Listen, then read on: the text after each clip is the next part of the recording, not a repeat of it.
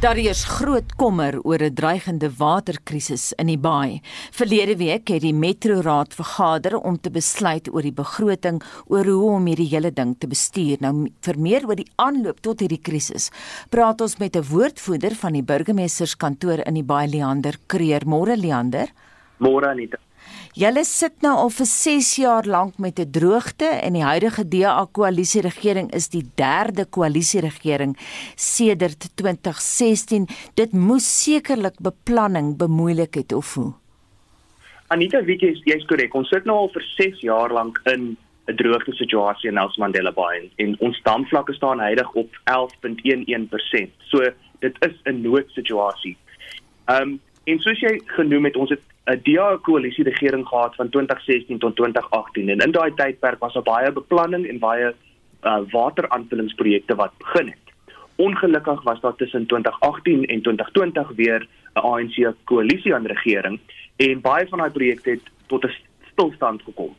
Van so aard dat nasionale tesourier droogtebefondsing van omtrent 168 miljoen rand teruggeneem het, maar dit was glad nie gespandeer deur die metro in 2019 of 2020 nie. Nou die DA koalisie het weer aan bewind gekom in Desember 2020 en nou is daar 'n groot taak om die agterstand aan hierdie projekte op te vang sodat ons nie 'n dag bereik waar ons damme leeg gaan raak nie. Leander verduidelik gou hierdie kwessie wat jy nou wat jy waarna jy nou geraak het die nasionale tesourie uh, het verlede jaar 168 miljoen rand het jy gesê wat vir droogte begroot is in die Nelson Mandela Bay Metro munisipaliteit. Teruggevat die ongebruikte geld is reeds een keer oorgerol. Hoe werk hierdie oorrol van die geld Dis korrek. So wanneer jy gelde kry soos hierdie en befondsing en en soos wat hulle noem in, in Engels grant funding, word dit vir 'n sekere jaar toegeken aan 'n munisipaliteit. As jy dit nie binne daai jaar spandeer nie, laat hulle jou toe om dit 1 jaar, 'n finansiële jaar oor te rol sodat jy dit kan spandeer in daai jaar. As jy dit in daai tweede jaar nie gespandeer het nie, vat hulle ongelukkig daai gelde terug. Kom ons gaan nou iets anders toe. Julle het nou verlede week soos wat ons gesê het in die inleiding, het julle besin oor julle begroting. Wat is julle begroting nou om hierdie waterkrisis te bestuur? Soos jy kan verstaan, is daar met daai gelde wat nou weggeneem was, is baie van die projekte tot 'n stilstand gekom, maar daar is nie meer geld gewees om hulle eh, te begin of klaar te maak nie. So wat die raad moes doen ongelukkig moes die die moeilike besluit neem om om van die departemente se begrotings te snoei en te herfokus op die droogte. Uh die munisipaliteit het dus besluit om 355 miljoen rand vry te stel vir ons wateraanvullingsprojekte, onder andere nuwe waterbehandelingswerke, boorgate en waterpyplyne. Dan ook het die metro 153 miljoen rand vrygestel vir die vernuwing van water ons waterpypleidings. Ons infrastruktuur is oud, waterlekke is 'n probleem en dus moet ons geld vrygestel het om hierdie infrastruktuur reg te kan maak. Die metro het ook dan geld vrygestel vir waterlekke. Nou wat ek wel kan sê is ons het 'n oorlog op waterlekke in die metro. Sedert Januarie 2021 het ons al 9678 waterlekke herstel. So daar is groot um, werk al gemaak om waterlekke te herstel. Ons staan tans met so 3.500 waterlekke wat nog uitstaande is. En jy moet seker geld van ander plekke ook afkry, né? Dit is die probleem. So, soos ek sê, ons moes die water moes of die die geld moes herfokus word. So ons moes ongelukkig geld vat van departemente soos uh die paaie departement, uh menslike nedersettingsdepartement en ongelukkig sal ons daai geld in die volgende finansiële finansiële jaar moet terugsit, maar die situasie die noodsituasie is ons droogte op hierdie stadium. Leander, oorweeg jy hulle boorgate? So van ons wateraanvullingsprojekte soos ek genoem het is boorgate. So ons het 4 boorgate wat geïdentifiseer is en wat sal gebeur is hierdie water hierdie boorgate sal so groot wees dat hulle kan in die waterstelsel ingesit word. So dan water sal eers versuiwer word en dan in ons watertoestel waterstelsel geplaas word. Ons het dan ook gelukkig waar ons ons het die nooit gedag water skema. So dis water van die die Oranje rivier af wat na ons metro toe kom. Fase 3 van dit sal in September eers aanlyn kom Um, en wanneer dit dit wel dan aanlyn kom, sal omtrent so 210 miljard liter per dag kan verskaf word aan die stad. Maar die probleem is, ons damme gaan voor dit begin leegloop. So wat ons moet doen is ons moet ons water spaar totdat hierdie wateraanvullingsprojekte aanlyn kan kom. Ek wil nou aansluit by wat jy gesê het van daai damme. Kom ons kyk na daai drie damme. Dis die Kouga, die Churchill en die Mpofu. Nou daai vlakke staan tans op ongeveer 11%. Hoe lank gaan daai watervoorraad hou? Ek verstaan elke dam gaan op 'n verskillende tyd uitloop. Kan jy vir ons daai spesifieke besonderhede gee? Anita, weet jy, daai damme soos jy gesê het, staan op 11.11% gemiddelde vlak op hierdie stadium. En as ons waterverbruik nie verminder nie, dit is die een die maklikste ding wat ons as die metro kan doen om ons water te verleng en die situasie te verbeter, is ons om waterverbruik te verminder. Nou as ons dit nie doen nie, teen die huidige trend sal ons ons eerste dam, die Kouga dam, teen die einde Julie droog wees. Dan sal die Churchill dam teen die einde Augustus leeg wees. En ons Groendal dam sal omtrent by Desember leeg wees. Hm. Jy het nou 'n interessante ding gesê vroeër wat ek wil hê jy moet uitbraai oor en dit is die die skema wat in, wat oor om water uit die Oranje rivier te kry. Hoe hoe werk daardie skema? So ons is gelukkig waar daai damme wat ek nou aan jou genoem het verskaf omtrent 50% van die metro se water. So ons het ander ehm um, bronne van waar ons ja. water kan kry. Maar die probleem is dis nog nie reg nie. Nou daai fase 3 van nooit gedag moes al klaar gewees het. Dis een van die projekte wat in die laaste 2 jaar tot 'n absolute stilstand gekom het. En dis onaanvaarbaar dat uh, ons inwoners nou die pak moet vat vir die metro wat nie hulle rol gespeel het nie. Nou fase 3 is is daai skema wat vergroot word om meer water te kan suiwer en en te kan verskaf aan die stad. Fase 3 word deur die metro befonds en soos ek gesê het, teen September sal fase 3 aanlyn wees en dan in totaal sal daai die nooit gedagte skema 210 miljoen liter per dag kan verskaf aan die stad. Um ons gebruik tans 300 miljoen liter per dag en ons moet moet moet ons waterverbruik afbring as 'n metro tot ten minste 250 miljoen liter per dag. So daardie skema is 'n bestaande skema en is daar genoeg water waar die water vandaan moet kom in die Oranje rivier se kant? Ja, die Oranje rivier lyk goed. Het jy het lekker reën gekry daar bo in die Johannesburg area en en die die aanvullende areas wat wat aan hom voer. Ehm um, fase 2 is aanlyn op die oomblik. Hy verskaf omtrent so 170 miljoen liter en dan soos ek gesê het wanneer fase 3 aanlyn kom sal dit totaal 210 miljoen liter wees. Leander sê dit gou weer. Julle moet met 50 miljoen kiloliter sny. Is dit korrek? 50 miljoen dis korrek. Ons moet van 300 miljoen na 250 miljoen. Hmm. Dis nie 'n groot bedrag nie. As elke huishoud net 'n bietjie doen, net 'n bietjie spaar, kan ons dit wel bereik. Ons het dit al bereik in 2018 toe ons in ook in hierdie droogte situasie was. Ons kan as 'n metro saamwerk en ons kan ons waterverbruik verminder. Wat is julle grootste struikelblok? Ons grootste struikelblok is omdat daar hierdie onstabiliteit in die metro was. Die verskillende koalisie regerings is daar 'n situasie waar die inwoners vertrou nie die metro nie. So as die metro sê verbruik as gebruik asseblief minder water, is die antwoord van van inwoners, maar hoekom moet ek minder water gebruik? Jy maak nie die water lekker reg nie. En dis dis 'n geldige antwoord en 'n geldige ding vir die met, vir die inwoners om te sê. Dis hoekom ons soos ek gesê het 'n oorlog op waterlekke begin het om te wys Hmm. Ons van die metro se kant af vat hierdie situasie ernstig. Ons het inwoners nodig om dit ook ernstig te vat. Het julle streng waterbeperkings en 'n manier om dit toe te pas? So ons moes ongelukkig die die die moeilike besluit maak om hoër watertariewe in te in te tree. So ons watertarief C watertariewe het van Junie af in werking getree. Dit is die hoogste tariewe in die metro. Dan het ons ook uh, begin met die proses van die installasie van watervloei beperkingstoestelle. Nou wat hierdie klein toestel doen is hy verminder die waterdruk wat deur jou kraan kom en sodoende verminder dan die water wat jy gebruik en spaar water in elke huishoud. Mhm. Wat doen die Oos-Kaapse provinsiale regering om die situasie te probeer beredder? Weet jy dit is dit is deel van hoekom ons in hierdie noodsituasie is. Die provinsiale regering weier om hierdie as 'n rampsverbied te verklaar die nasionale regering weier om hierdie as 'n rampsverbied te verklaar. Nou, damme wat op 11.11% verstaan staan, kan ek nie verstaan is dit nie 'n ramp nie. Hm. Daar's natuurlik in daardie hele omgewing, eh, dis 'n bekende omgewing vir nywerhede, uh met die hawens daar in in Swan en die motors wat daar gemaak word en is die die hoe raak hierdie watertekort al die nywerhede in die omgewing?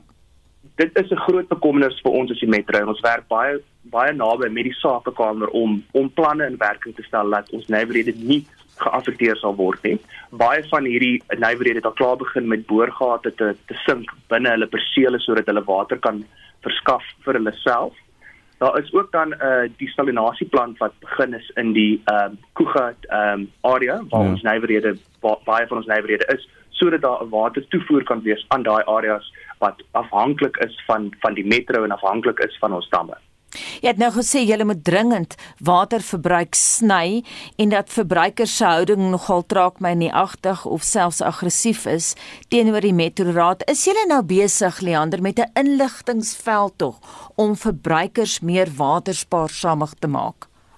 Beslis, as jy wil mense se se se houding verander en jy wil verander hoe hulle hulle water verbruik, moet jy met hulle kommunikeer. Jy moet vir hulle die situasie verduidelik, jy moet vir hulle sê wat waar staan ons damvlakke, wat doen die metro en hoekom dit belangrik is vir hulle om deel te wees van die oplossing. So daar is 'n projek wat begin het, daar is advertensies in die in radio, daar's advertensies in die koerante en ons maak 'n punt daarvan om te kommunikeer met ons inwoners en te verduidelik die situasie wat ons in is. Ons praat nou so van die watertekorte in die damme wat so leegloop. Voorsien julle by die Nelson Mandela Bay Metro dat daar 'n dag zero op pad is of is julle bang vir daardie woord? Soos ek gesê het en dis dalk hoekom ook inwoners nie heeltemal ehm um, die situasie so ernstig neem nie is 50% van ons water kom van die damme en 50% kom van ander bronne soos die nooit gedag. So ons gaan nie 'n situasie hê waar ons heeltemal sonder water gaan sit nie, maar ons gaan 'n situasie hê waar ons nie genoeg water gaan hê vir dit wat ons nodig het nie. En die probleem met water is dis nie soos krag, soos beerdkrag wat jy kan aan en af sit nie. Jy gaan moet afskakel en vir 'n paar dae gaan buurte nie water hê nie, dan gaan jy weer aanskakel en dan gaan die buurt langs aan dalk nie water hê. So dis nie so voorspelbaar soos wat krag is wanneer ons ons beurtkrag het nie. Leander baie dankie Leander Kreer is 'n woordvoerder van die burgemeesterskantoor in die Nelson Mandela Bay Metro munisipaliteit wat Kybega en Kariga en so aan bedien. En nou 'n ander belangrike nuus storie, die Gautengse regering het die staatsadvokaat opdrag gegee om regstappe te neem teen die redakteur van die Pretoria News Piet Rampedi en Independent Media. Dit nadat Rampedi beweer het dat die regering medies nalatig was in die Steve Biko Akademie Mediese Hospitaal en die geboorte van 'n tienling toegesmeer het. Volgens berigte het Gosia Mesitole glo geboorte geskenk aan 10 babas wat 'n wêreldrekord sou wees. 'n Woordvoerder van die provinsiale regering, Tabo Masebe, sê Rampedi se beweringe is ongegrond. Hy sê nie een van die provinsie se staats- of private hospitale het enige rekord van so 'n geboorte nie. Sitole is intussen in die hospitaal opgeneem. Lila Magnus Johannes berig. Setole is by die Tembisa Hospitaal vir observasie opgeneem nadat maatskaplike werkers bekommerd geraak het oor haar gesondheid. Dokters het verskeie mediese toetse gedoen en daarna aanbeveel dat sy tot volgende week in die hospitaal bly vir waarneming in ooreenstemming met die Wet op Geestelike Gesondheid. Die dokters het bevestig dat Setole nie onlangs swanger was of geboorte gegee het nie. Lila Magnus, SAK nuus, Pretoria. En gepraat oor die SMS, ons vra vandag vir jou oor die rugby en waar jy was op die 24ste Junie 1995, die groot dag. Estie, wat sê die mense? Anton Gericke skryf vir ons: Ek was in ons losie op Ellis Park, wat 'n wonderlike en unieke ervaring. Die atmosfeer na die wedstryd was ongelooflik. En Susan Kutse Kirtland laat weet vir ons: Ons was by my een boet se huis gewees en ons het deernag fees gevier. Vriende het in 'n yskoue swembad ingeduik. 6:00 die volgende oggend ry ons so 3 km verder na my ander boetie se huis en vier verder fees daar en toe 2 km verder huis toe en steeds kon ons nie tot rus te kom nie. Ons het gaan inkopies doen gou. Oral was vla en motor, motors wat getoet het en mense wat gejuig het. Dit was 'n onvergeetlike ondervinding. Die maandag het ek die video van die wedstryd stap vir stap aan my graad R klasie verduidelik. Christa Heineke skryf: "Ons was tuis. My man was sopas uit die hospitaal ontslaan en die dokter het vir hom 'n kalmeerpil gegee, so hy was rustig terwyl ons geskree en te kere gegaan het."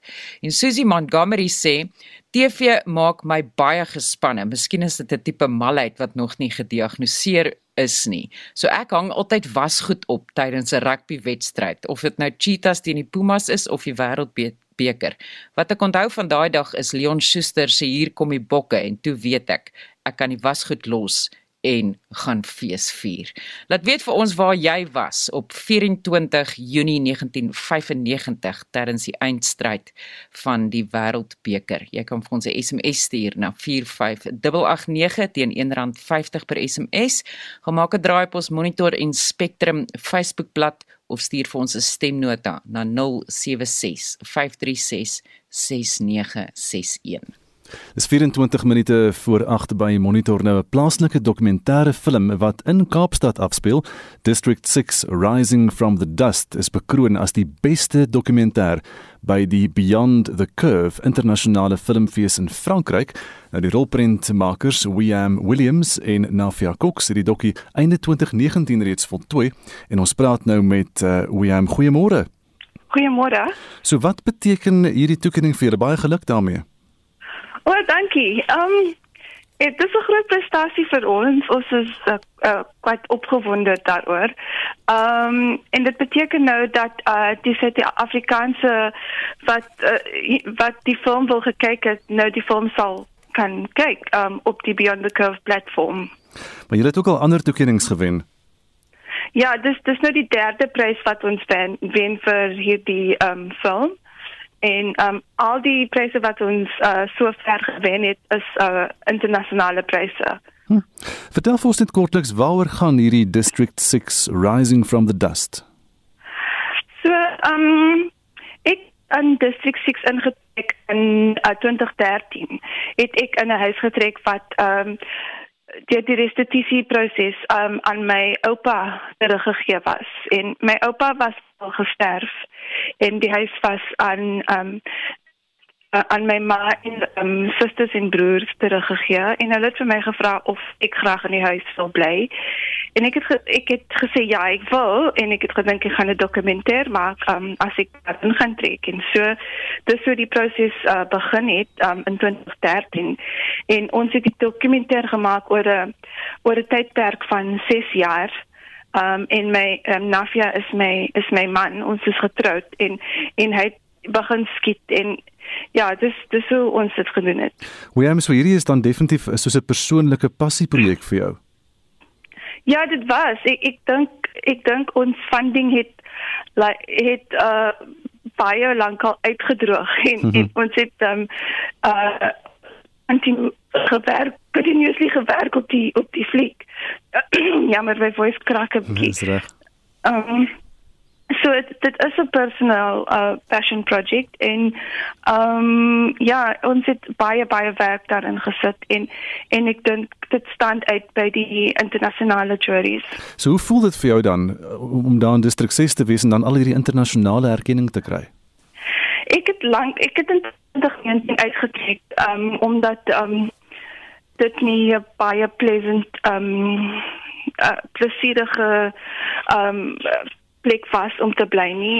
Dit dit was baie um, challenging vir my met my kinders om daar te bly. Um, die daar daar is dit dit daar is so baie werk wat nog aan gedoen mo moet word ja. vir die sukses om 'n decent plek te wees vir mense om te bly. So ek woon nie meer daar in die sukses mm -hmm. nie. Ehm um, maar, maar die die ja die erkenning. Ek het die mm. werk het wat ehm um, uh, so so soos 'n dokumentêre stuk is uh wat 'n uh, how can I say like a slice of life in yeah. District 6 over a period of 6 years and and that this work is is there and it exists. Mhm mm dit almal het nou daarvan kan weet ook. So hierdie dokumentêre is sedertdien ook gekies nou om aan feeste en kompetisies in ander lande deel te neem. Watter lande?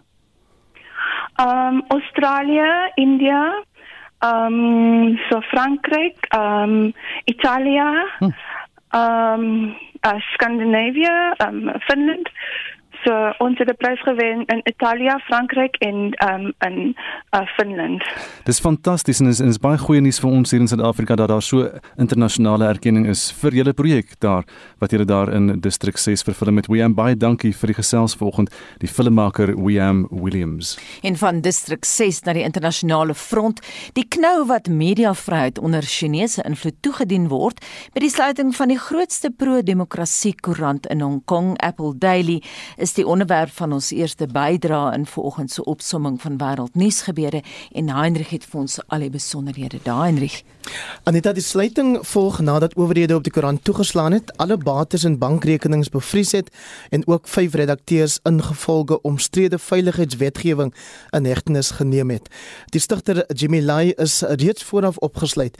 Nou duisende landsburgers het hulle oornag gehaas om die finale uitgawe opgedra aan die lesers van die 26 jaar oue koerant op te raap. Hulle het nie die swaar reën in Hong Kong ontsien nie. Die koerant was binne oomblikke by verskeie nuusstalletjies uitverkoop. Hier praat Lai vroeër oor die aanslag van die owerhede. Can induce fear in you. That's the easiest way to control you. That's the cheapest way to control you and the most effective way. And they know it and they're very, you know, they're very good at it. En terwyl kommer in Brittanje, Amerika en elders in die wêreld bestaan dat die sluiting van die koerant op 'n aanval op persvrye dui, huldig die bedryfshoof van Hong Kong, Carrie Lam, 'n ander mening in hierdie klankgreep van die BBC. What we are dealing with is neither a news outlet problem nor a news reporting problem. It's a suspicious act of endangering national security.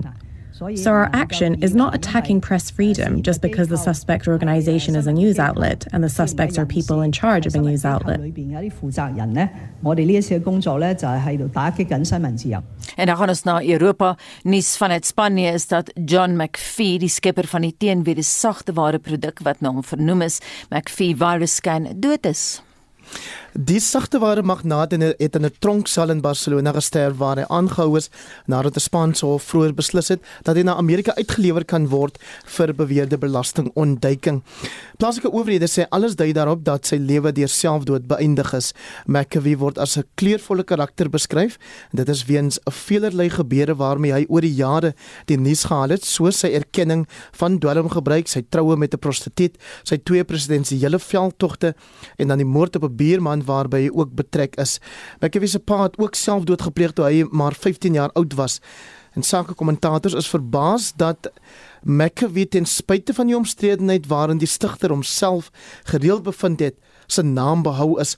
Die maatskappy is uiteindelik in een van die eerste multimiljard rand transaksies in die rekenaarbedryf vir meer as 7,6 miljard dollar verkoop. Die nuutste COVID-19 syfers vir Afrika dui daarop dat die meeste aangetekende gevalle op die kontinent steeds in Suid-Afrika voorkom. Die bevestigde aantal COVID-gevalle het teen gister op altesaame 5.248147 gestaan met die dodetal op 138589. Meer as 31 miljoen mense is reeds met 'n enstof ingeënt dis nou in Afrika en dan na Suid-Afrika se 1,8 mil, miljoen COVID gevalle en byna 60000 sterftes wek getalle in Marokko, Tunesië, Ethiopië, Libië en Kenia ook kommer. En wat is die jongste uit Japan oor die Tokyo spele? So Anita, die spele begin oor 'n maand, maar inwoners is weens die COVID-pandemie steeds gekant teen die regering en die plaaslike Olimpiese Komitee se volharding daarmee om met die skouspel in die Japanse hoofstad voort te gaan. In die nuutste verwikkeling is die goewerneur van Tokio, Yuriko Koi mag na die Koike weens uitputting in 'n hospitaal in die stad opgeneem. Hy sal geen amptelike pligte van dese week uitvoer nie hoewel die stad in rep en roer is met finale spele voorbereidings. Die vrees is dat die geleentheid COVID-19 infeksies die hoogte kan laat inskiet, maar beamptes glo streng gesondheidsmaatreëls sal dit verhoed. Een van die maatreëls is dat geen alkohol verkoop of verbruik mag word nie. En dan eindig ons met nuus uit die vermaaklikheidswêreld. Dit is dat die stryd van die sangeres Britney Spears voortduur om 'n einde te bring aan haar pa se beheer oor haar geld en sakebelange. Die beheer is in 2008 deur 'n hof aan Jamie Spears toegeken. Nou sê Britney in 'n hofgeding haar pa beheer haar 100 000% en dat dit haar traumatiseer. En dit dan Heinrich met vanoggend se oorsig van wêreldnuus gebeure. Dis nou so op pad na kwart voor 8 by Monitor op RSG nou die veteraan joernalis en TV-nuusaanbieder Jeremy Maggs skryf in sy boek My Final Answer dat die kaping van sommige joernaliste om 'n sekere agenda te dryf reeds jare lank met ons is. Nou die boek word vanaand digitaal bekendgestel in Johannesburg en Washington want die internasionale korrespondent Simon Marks gaan die onderhoud met Jeremy Maggs voer en ons luister vanoggend hoe Jeremy Maggs lees uit sy eie boek. Much has been written in recent years about how some in the media have been shamefully captured and used as useful idiots by political factions to push a particular narrative. I don't think it's anything particularly new, perhaps just more pronounced and overt in the harsh era of the attempted Gupta nation jack of this country. Die aanloop na die finale My Final Answer was heel anders as wat Max aanvanklik in gedagte gehad het. So I approached the publisher, Pan Macmillan. I said, I want to write a book on the advertising industry. I sent them a couple of chapters. They said, yeah, we like it, but um, advertising and media is not just your life. You've done a lot more, most notably a long time in front of a radio mic and a television camera, but also my year, year and a half presenting Who Wants to Be a Millionaire. Hy skryf dat hy belang gestel het om 'n boek oor die advertensiebedryf te skryf omdat hy soveel respek het vir diegene wat 'n skepende idee kan verander in 'n item wat kan verkoop. Maar die uitgewer het ander planne gehad. They said we'd prefer it if you wrote a kind of a quasi memoir about the media in South Africa and your time in it. And my final answer was my idea because it was the phrase from Who Wants to Be a Millionaire that everyone remembers. The person would give me the answer that they had decided on in the show, and I would turn around and I would say, Is that your final answer? I would put fear into their eyes, and they would say yes or no. And I think it's a phrase that's going to go with me to my death. In fact, I've joked to my family that on my tombstone, they should write the words, that is his final answer. So the title was pretty obvious after that. 'n Joernalis wat voor en na 1994 baie keer in die voorste linies van die dekking vir politieke gebeure was. Politieke partykonferensies was sedertdien een van die gereelde nuusgebeure waarvan Jeremy Maggs die meeste gedek het. The one thing that stands out for me at every single conference, and I write about it, I hope amusingly in the book, but I'm also hoping that the ANC might take some note, is the registration process for the media. I have stood in aircraft hangars, in uh, sweaty rooms for hours on end, waiting for the ruling party to process the accreditation. I don't often remember the political complexity. All I remember is standing in line, and it takes hours and hours and hours to finally get that laminated card. For Jeremy Maggs het enige politieke proses twee kante. Is that it's not what happens for the camera or in the big hall, but it's what is happening behind the scenes. And it is a good journalist who has worked their sources, who has mined the minutiae of the way in which things are playing out that is going to be successful in this. All of this happens behind closed doors in often dark, murky, smoke filled rooms. That's the nature of politics, I think, in this country and around the world. And I also make the point in the book that I don't necessarily have the guts or the deep interest in the nuance of all of this. Jeremy Maggs het sy loopbaan in journalistiek in die middel 80er jare by die koerant, die Oostelike Provinsie Herald, wat nou die Herald is, begin. Waar hy sê hy saam met dapper joernaliste gewerk het wat altyd ten doel gehad het om die waarheid uit te delf. And it was something that was inculcated into me and my wife Anne who I met on the Eastern Province Herald, and we're still married decades later. It's always been the benchmark. It's been what we aspire to achieve. Does journalism achieve truth these days? I think it's become a very difficult and complicated landscape to navigate.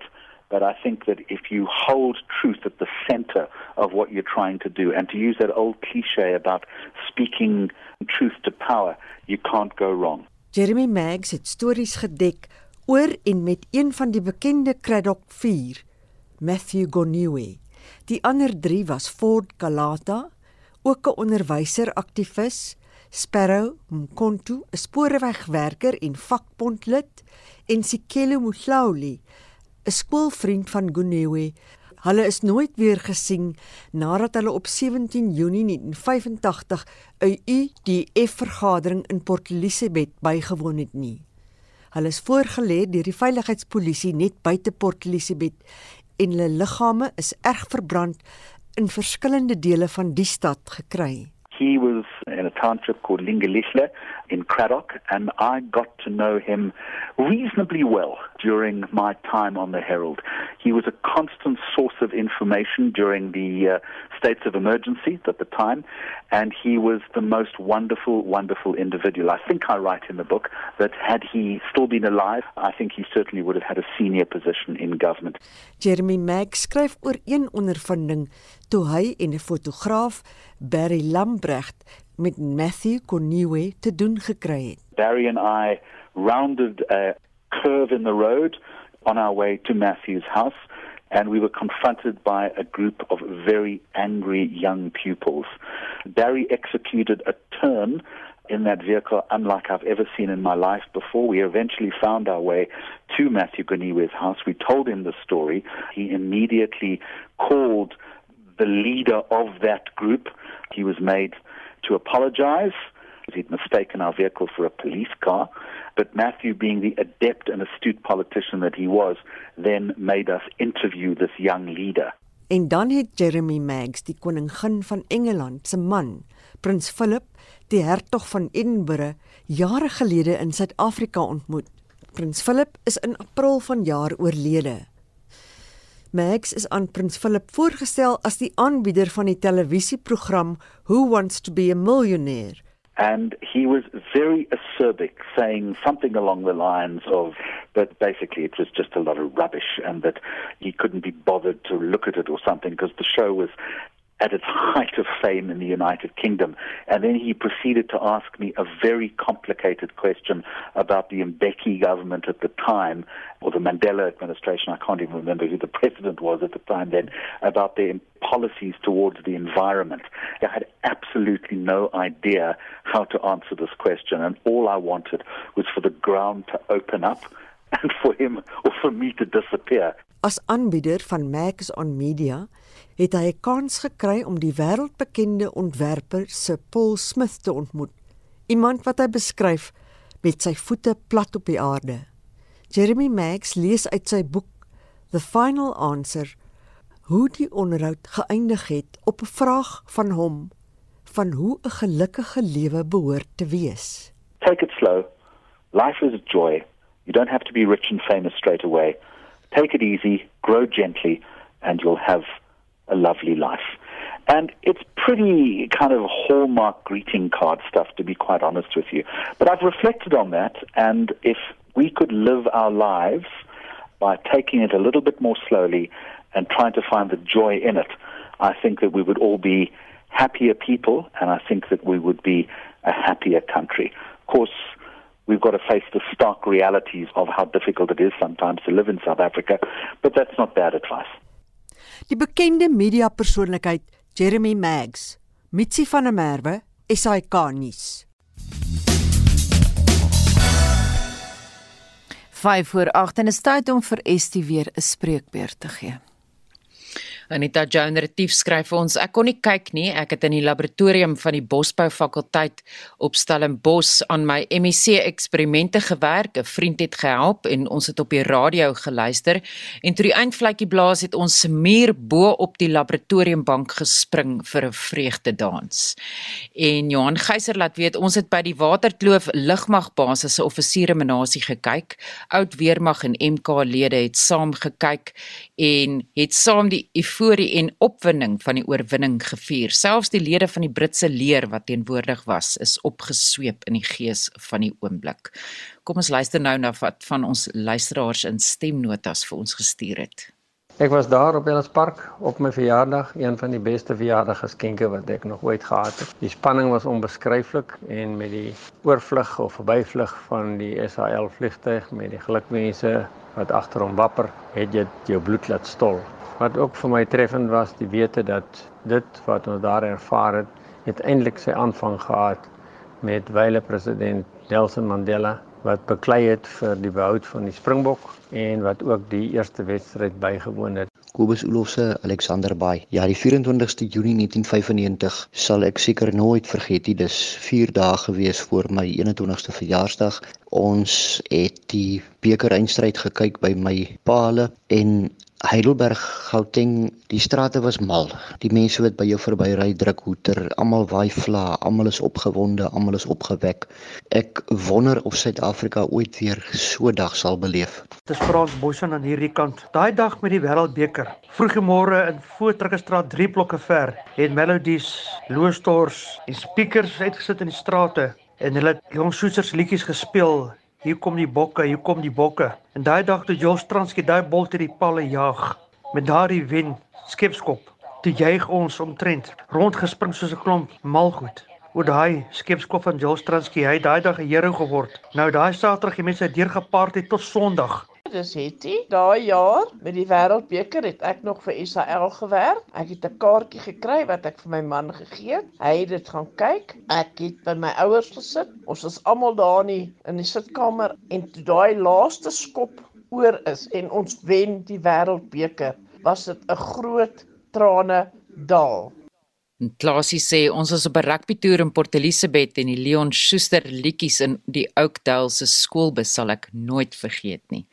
Nikki Pieterse laat weet vir ons ek het by my suster in Swaar saam met my pa gekyk en dit was my pa se verjaarsdag en hy het nou gesê dit was sy grootste verjaarsdag geskenk. Rex Bester laat weet ons was saam met vriende vir 'n naweek wegbreek in die Houhoek Hotel naby Grabouw en 'n hoogtepunt vir my was toe Pieter Hendriks die bekende Campo, dis nou David Campies van Australië uitoorlê het met 'n 3.